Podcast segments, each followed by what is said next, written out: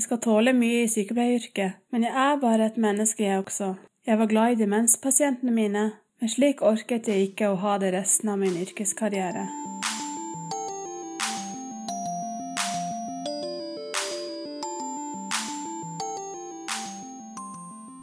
Hei og velkommen til Sykepleiens podkast.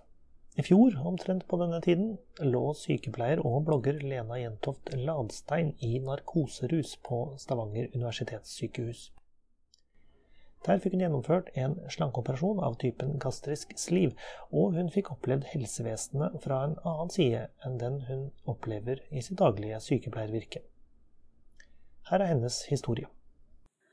Nå er det ett år siden jeg lå på operasjonsbordet i en salig narkoserus på Stavanger universitetssykehus. Livet mitt hadde jeg overlatt i hendene til de grønnkledde. Nå fikk det briste eller bære. Det eneste jeg var sikker på, var at dette var noe jeg ønsket 100% Jeg skulle få utført en slankeoperasjon. En fedmeoperasjon. Fordi jeg hadde over 40 i BMI og ikke klarte å gå ned i vekt på tradisjonelt vis med trening og kosthold. Jeg kunne velge mellom gastrisk bypass og gastrisk sliv i Stavanger. Etter å ha lest side opp og side ned om de to forskjellige operasjonsmetodene, pluss diskutert med andre som hadde vært igjennom det samme, pluss diskutert med involvert helsepersonell, landet jeg på at gassisk sliv var et riktig valg for meg. Den eneste gangen jeg delvis angret, var de første dagene etter operasjonen. Da hadde jeg konstante magesmerter, kvalme og oppkast. Flere ganger kastet jeg opp blod, så pasienten i nabosenga nærmest glemte at hun selv var operert, og sprang med stive øyne, håret til værs og et skranglete IV-stativ på slep til nærmeste vaktrom for å få tak i noen hvitkledde. Det viste seg at det bare var gammelt blod etter operasjonen som kom opp. Jeg fikk ligge et døgn ekstra på pasienthotellet for å se hvordan det utviklet seg. Men det gikk over i likeste laget, og jeg fikk reise hjem. Da jeg omsider fikk komme hjem, begynte mitt nye liv med minimage. Første uka lå jeg for det meste på sofaen. Jeg orket veldig lite. Jeg var helt tappet for krefter. Det var mannen min som måtte gjøre det meste med oppfølging av ungene, aktiviteter og husarbeid. Jeg hadde ikke hatt sjans. Det var slitsomt nok å være i live, og jeg måtte konsentrere meg om å få i meg næring. Første uka gikk jeg på flytende kost, deretter most kost i tre uker, og deretter lettfordøyelig kost. Jeg hadde et detaljert kostprogram fra sykehuset som jeg fulgte. Det ble en del babymat i den perioden, og babymat på glass med salt og pepper på funket utmerket. Det ble et stort herremåltid for meg, og i begynnelsen klarte jeg ikke å spise opp et babyglass engang. Tre måneder etter operasjonen kunne jeg gå over til normalkost. Hele tiden måtte jeg ha fokus på å få i meg nok proteiner. 80–120 gram daglig. Utfordringen var å bruke nok tid på måltidet, pluss at maten måtte være nok most, lettfordøyelig nok, den første perioden. Minivagen var sensitiv og sa ifra hvis den ikke var fornøyd. Noen uker etter operasjonen hadde jeg kommet meg såpass ovenpå at jeg reiste på bytur med minstemann. Jeg hadde sikret meg med fiskekaker i, i veska. Minsten ville ha hamburger på Burger King. Ja vel, så gikk vi dit. Jeg kunne ikke spise noe av maten på menyen, så jeg satte med ei fiskekake i hånda. Men minimagen gjorde et kraftig oppgjør med den fiskekaka. Etterpå måtte jeg springe fra det ene toalettet til det andre med minsten på slep, for den kom i retur bit etter bit etter bit. Det tok lang tid før jeg spiste fiskekake igjen, for å si det sånn. Jeg hadde en del oppkastepisoder de første tre månedene. Det ble en prosess å lære seg å spise riktig. I dag har jeg ingen problemer med oppkast lenger. Jeg var spent på om jeg kom til å savne å spise hva jeg ville, og hvor mye jeg ville. Hva er vel bedre enn en stor og god middag når man er skikkelig sulten? Hva ville skje med matgleden etter operasjonen? Noen slankeopererte kan oppleve matsorg etter operasjonen. Kom jeg til å oppleve dette? I begynnelsen opplevde jeg ikke særlig stor matglede. Da var fokuset på å få i seg næring og væske. Spiste jeg feil, enten det var å spise for fort, litt for mye sukker eller fett, så fikk jeg dumping. En fysisk reaksjon med kvalme og høy puls. Nå var det slutt på å bruke mat for å dempe følelser, for eksempel å trøste spise sjokolade. Etter hvert kom matgleden tilbake, og jeg liker å spise mat på samme måte som før. Forskjellen er at jeg nå koser meg med små mengder mat og er fornøyd med det. Ikke slik som før at jeg nærmest tenkte på neste porsjon før jeg var ferdig med den første. Istedenfor å være i en ond sirkel hvor jeg stadig spiste for store porsjoner og i tillegg tok usunne valg, som igjen førte til dårlig samvittighet og gjerne trøstespising i tillegg. Så kom jeg etter operasjonen i en god sirkel hvor jeg tok sunne valg for å få i meg riktige næringsstoffer. Minimagen tvang meg til å ta riktige valg, delvis fordi jeg ble så fort mett, og delvis fordi jeg ble fysisk uvel av usunn mat.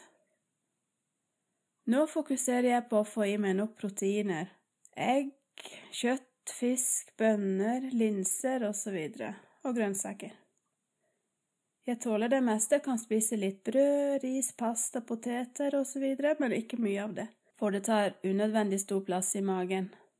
Dessertmagen er også operert bort, på godt og vondt. Jeg har ikke sjans til å spise dessert etter søndagsmiddagen, men det er heller ikke noe savn. Jeg kan heller ikke både drikke og spise samtidig, men jeg er blitt en vanesak og byr på lite problemer. Jeg har fått kommentarer på at det virker som jeg bruker mye penger på mat. Med tanke på at jeg spiser så små porsjoner, så er det ingen fare for at jeg sprenger matbudsjettet. Jeg har ikke regnet på det, men jeg tror heller på det motsatte. Nå bruker jeg mye mindre penger på usunne matvarer, og dessuten, da jeg før operasjonen skulle handle inn til husholdningen, så handlet jeg inn til to voksne og tre barn. Nå handler jeg inn til én voksen og fire barn, eller mer nøyaktig én voksen, tre barn og én baby. For jeg kan spise mindre enn ungene nå, for minimagen orker ikke mer. Nettopp derfor må jeg spise mange, hyppige måltider, basert på rene råvarer for å få i meg de næringsstoffene jeg, jeg trenger. Dette er også noe sykehuset forventer av meg, for at jeg skal unngå mangelsykdommer i det lange løp. Hvis jeg ikke følger anbefalingene fra sykehuset vedrørende kosthold og inntak av kosttilskudd, så har jeg i stor grad meg selv å takke hvis jeg får problemer. Dette året har vært en reise både fysisk og psykisk. Rent fysisk har jo vekten gått sakte, men sikkert ned, men med flere platåer, det vil si at vekten står stille i både uker og måneder, før den beveger på seg igjen. Det er bra at man ikke raser ned i vekt, for da får både kropp og hode sjanse til å henge med i prosessen. Min høyeste vekt før operasjon var 122 kilo. Det er mange som har blitt overrasket over at jeg var så stor. Det handler vel om hvordan man kler seg, hvordan kiloene er fordelt på kroppen, høyde, og dessuten har jeg alltid vært glad i fysisk aktivitet. Jeg har hatt mange sykkelturer og lange gåturer i raskt tempo. Jeg har gått på aerobic, step, styrke og zumba. Jeg var til og med zumbainstruktør i ett år. Det skulle ikke stå på innsatsen, men om jeg gikk ned noen kilo, kom de alltid på igjen. Slik er det for mange som har klart å gå ned noen kilo. Det som er krevende, er å unngå å gå opp igjen. Dessverre er det her mange mislykkes. Man kan jo lure på hva det var som skjedde. Hvorfor ble man så stor? Rent teoretisk vet jo alle at man legger på seg ved at man inntar flere kalorier enn man forbrenner. Hvor mange overvektige har ikke hørt? Spis mindre, spis sunnere og tren mer. Rent praktisk kan det for mange være mer komplisert enn som så. Rent generelt kan jeg si at mange overvektige kan ha fysiske og psykiske sykdommer som gjør det svært utfordrende å gå ned i vekt. Jeg kan nevne personer som lider av endokrine sykdommer, slik som lavt stoffskifte, personer med ME, som omtrent ikke kan drive fysisk aktivitet, for da blir symptomene kraftig forverret, og personer med polycystisk ovariesyndrom, PSOS. Personer med PSOS kan også ha problemer med å bli gravide relatert til sin overvekt, og velger derfor slankeoperasjon for å kunne lykkes med det. Vektnedgang fører dermed til økt fertilitet. Mange overvektige sliter også med at de er følelsesspisere. De spiser når de er glade, triste, sinte osv. Vonde følelser dempes med mat. Flere lider også av spiseforstyrrelser, slik som overspisingslidelse. Medisiner kan også føre til vektoppgang. Gener og langsom metabolisme spiller også en rolle. Det finnes flere sykdommer og tilstander som kan komplisere vekten en gang, så tenk deg om både to og tre ganger før du kommer med gode råd til en overvektig. De fleste overvektige er fullt klar over at de veier for mye. Jeg for min del var normalvektig i mine barne- og ungdomsår. Det var i voksen alder kiloene ballet på seg. Som de fleste andre overvektige forsøkte også jeg å gå ned i vekt. Jeg var fysisk aktiv, jeg var med i et livsstilsendringskurs over tre måneder, hvor jeg fikk personlig oppfølging med kosthold og fysisk aktivitet. Jeg spiste egg, stekt hodekål, hjemmelaget musli og knekkebrød. Et flott opplegg, og jeg hadde håp for fremtiden. Men den gang ei. Så jeg forsøkte Grete Rode-middager for hele familien. God og kalorifattig mat, men ble ofte ikke mett. Spiste gjerne et par brødskiver i tillegg etterpå. Fram og tilbake og like langt. Som sykepleier innehar man jo også en del kunnskap om ernæring og sunt kosthold, så det manglet ikke på kunnskap heller. Det sies at kostholdet betyr så mye som 80% i forhold til trening for å lykkes med vektnedgang. Det er ikke lite. Noe av det verste ved å gå ned i vekt er sultfølelsen. Kroppen stritter imot med alle verktøyene den har mot vekten den gangen. Den vil alltid tilbake til høyeste vekt. Man strever virkelig i motbakke. Den kan prøve den som vil. Etter hvert ga jeg mer og mer opp. Det ble etter hvert snakk om så mange kilo at jeg innså at jeg ikke ville klare det på egen hånd. Jeg ble også nokså lei av å få kommentarer på vekta mi av mine kjære demenspasienter i jobben min som sykepleier selv om jeg visste at det var sykdommen som snakket, og at jeg ikke kunne noe for det. Så kom jeg til et mettingspunkt. Jeg skal tåle mye i sykepleieryrket, men jeg er bare et menneske, jeg også. Jeg var glad i demenspasientene mine, men slik orket jeg ikke å ha det resten av min yrkeskarriere. Jeg kunne få kommentarer fra andre oppegående folk også som regel var jeg med på spøken, men det stakk alltid litt mer for hver gang. Jeg gikk til det skrittet og tok kontakt med legen for å be om hjelp. Jeg hadde nådd over 40 i BMI og var i sykelig fedmekategorien. Jeg var blitt så stor at jeg hadde krav på helsehjelp fra, fra det offentlige. Fedme øker sannsynligheten for ulike sykdommer, spesielt hjerte- og karsykdommer, type 2-diabetes, pusteproblemer, under søvn, visse typer kreft og slitasjegikt. Jeg var nå kommet i risikosonen for disse sykdommene, og det var noe jeg måtte forholde meg til. Særlig med tanke på at jeg er mor til tre, ønsket jeg å ta tak i vektproblemet, før det i verste fall endte med sykdom og død i det lange løp. Fra jeg var hos legen til jeg lå på operasjonsbordet, tok det ca. åtte måneder. På den ene siden var det lenge å vente, men på den andre siden så var det godt og nødvendig med den ventetiden. Jeg var under oppfølging og i samtaler med helsepersonell på sykehuset vedrørende tiden før, under og etter operasjon. Det var samtaler om hva jeg kunne forvente, og hva som ble forventet av meg.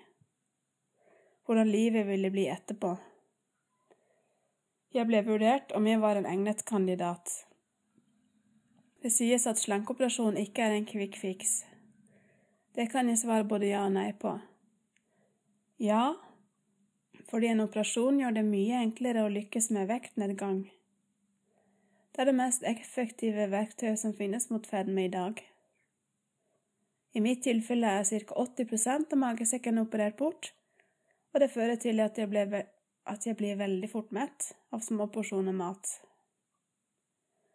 For lite kaloriinntak i forhold til kaloriforbruket fører dermed til vektnedgang. Dessuten er mye av den tidligere sultfølelsen borte, noe som også gjør vektnedgangen mye lettere. Men nei, i forhold til at en operasjon alltid er en risiko i seg selv. Etter operasjonen kreves det livslang oppfølging med blodprøver, og man må ta vitamin- og mineraltilskudd daglig hele livet for å unngå mangelsykdommer og tilstander. Man må hele tiden være bevisst på hva man putter i seg, og man må spise hyppige måltider, som ca. hver andre til tredje time. Og hvis psykiske plager har ført til trøstespising og overspising, må man lære seg å takle vonde tanker og følelser på en annen måte. Det er en krevende, men sunn prosess å være i. Hvis man ikke lenger kan bruke mat som trøst, hva gjør man da?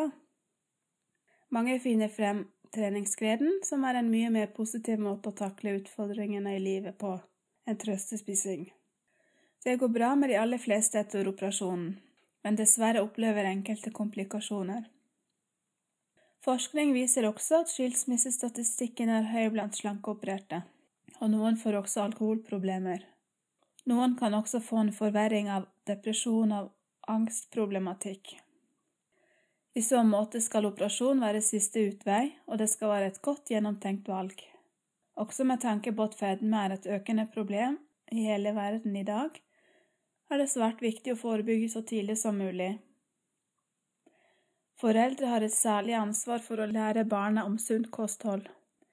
Så må vi få tilbake at godteri spises, spises bare på lørdager, og det må satses mer på psykisk helsehjelp i samfunnet, i og med at mange med overvekt, fedme har psykiske plager som årsak til sin overvekt. Jeg har vært en av de heldige. Jeg har vært så fornøyd at jeg nærmest kunne tenkt meg å gifte meg med kirurgen som opererte meg. Jeg har kjent på stor takknemlighet for at jeg bor i et land med et av verdens beste helsesystem, slik at du og jeg kan få hjelp når vi trenger det. Jeg betaler gladelig mine skattepenger for å opprettholde det. Med snart 40 kilo i minus har jeg fått et bedre og lettere liv på flere måter. Naturlig nok er det lettere å bevege seg, både i jobben som sykepleier, som kan være fysisk krevende med mye gåing, stell og forflytning. Det er enda kjekkere å drive med fysisk aktivitet. Jeg klarer å gå raskere, sykle raskere, og begynte å lære meg å løpe. Det er kjekkere å kjøpe klær når de endelig passer, og jeg føler meg vel med dem. Så slipper jeg å gå på store motebutikker for å handle. Der er klærne ofte dyrere enn i vanlige butikker. Det er kjekt å få positive kommentarer fra kollegaer, venner, kjente og ukjente på vektnedgangen. Nå har jeg begynt å få kommentarer som Hvor tynn skal du egentlig bli? Du må ikke gå ned mer nå.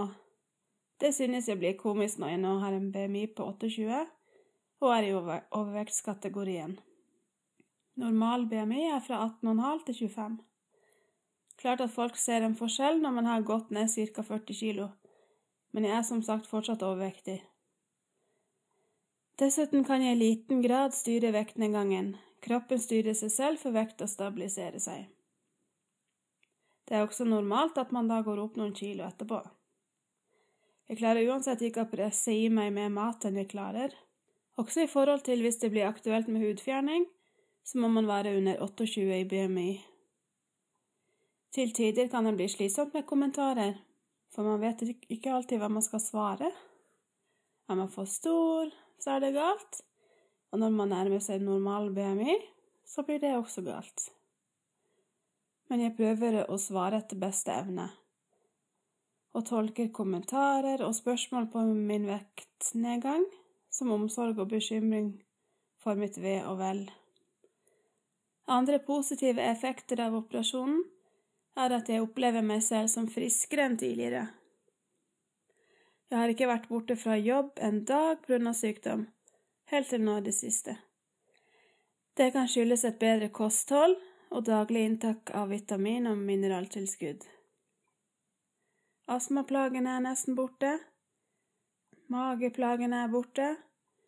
Jeg er ikke plaget med vonde knær lenger ved turer i skog og mark, og klarer lettere å holde tritt med ungene på tur. Jeg føler meg mer fornøyd med meg selv, som også påvirker selvtilliten og selvbildet positivt. Jeg var ikke snill med meg selv da jeg la på meg kilo etter kilo. Som tidligere beskrevet kom jeg inn i en destruktiv sirkel som gjorde vondt verre, men i dag har både kropp og syke det mye bedre. Ingenting er perfekt. Så lenge man lever, må man takle utfordringer.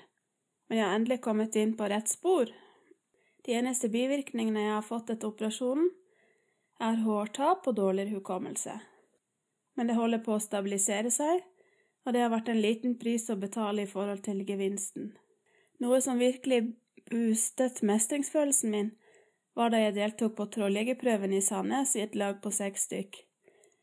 En åtte kilometer lang og tøff hinderløype gjennom skog, vann og gjørme, i oppoverbakker og nedoverbakker. Jeg var ikke den sprekeste, raskeste og sterkeste, men du verden så stolt jeg var av meg selv. For kort tid siden deltok jeg også på fem kilometer-løpet i Stavanger maraton. Jeg var slapp og halvsyk, men jeg gjennomførte det. Jeg var ikke i fortroppen og fikk ikke den beste tiden, men jeg var så glad og stolt etterpå. Det handler om å være snill med seg selv. Å tro på seg selv, og ha tro på at man klarer det, man bestemmer seg for. Å gi seg selv nye utfordringer for å styrke selvfølelsen. Det har jeg aldri prøvd før, så det klarer jeg helt sikkert, som Pippi Langstrømpe sier. Jeg vil presisere at dette er min historie. Fra en annen slankeoperert kan du få en helt annen versjon. Jeg mener heller ikke at slankeoperasjon er eneste måten å lykkes med vektnedgang. Mange klarer å gå ned i vekt på den konservative måten, med riktig kosthold og trening, og all ære til dem. Ut ifra min situasjon har slankeoperasjon vært et riktig valg for meg, og det skammer jeg meg ikke over. Jeg er åpen om mitt valg. Jeg skammer meg ikke over at jeg ba om hjelp da jeg hadde behov for det. Det er bedre å ta tak i problemet enn å sitte på gjerdet og vente. Det er ikke sikkert jeg hadde fått noen fedmerelaterte sykdommer i det hele tatt, men har vi ikke alle lett for å tenke det skjer ikke meg? Sykdom rammer så tilfeldig, så det er et risikoprosjekt å tenke slik. Til slutt vil jeg takke alle som har støttet meg både før og etter operasjonen. De aller fleste har vært positive og hatt forståelse for avgjørelsen, mens andre har vært skeptiske. Jeg har forsøkt å forklare etter beste evne. Jeg synes det er bedre at folk spør hvis de lurer på noe, enn at de ikke sier noe i det hele tatt. Men folk er så forskjellige, og det må også jeg akseptere. So far, so good. Jeg vil rette en stor takk til Stavanger universitetssykehus og Poliklinikken for sykelig overvekt for uvurderlig hjelp og oppfølging og for at jeg fikk dette verktøyet i gave for å lykkes med vekten den gangen. Det var altså sykepleier og blogger Lena Jentoft Ladstein som fortalte om sine opplevelser før, under og etter sin gastriske slivoperasjon i fjor. Du finner hennes fortelling i tekstversjon på våre nettsider sykepleien.no, og der kan du også lese hennes tidligere blogginnlegg. Om du vil høre flere episoder av Sykepleiens podkast, så finner du alle sammen på sykepleien.no, via iTunes eller podbean.com. Jeg heter Ingvald Bergsagel. Vi høres.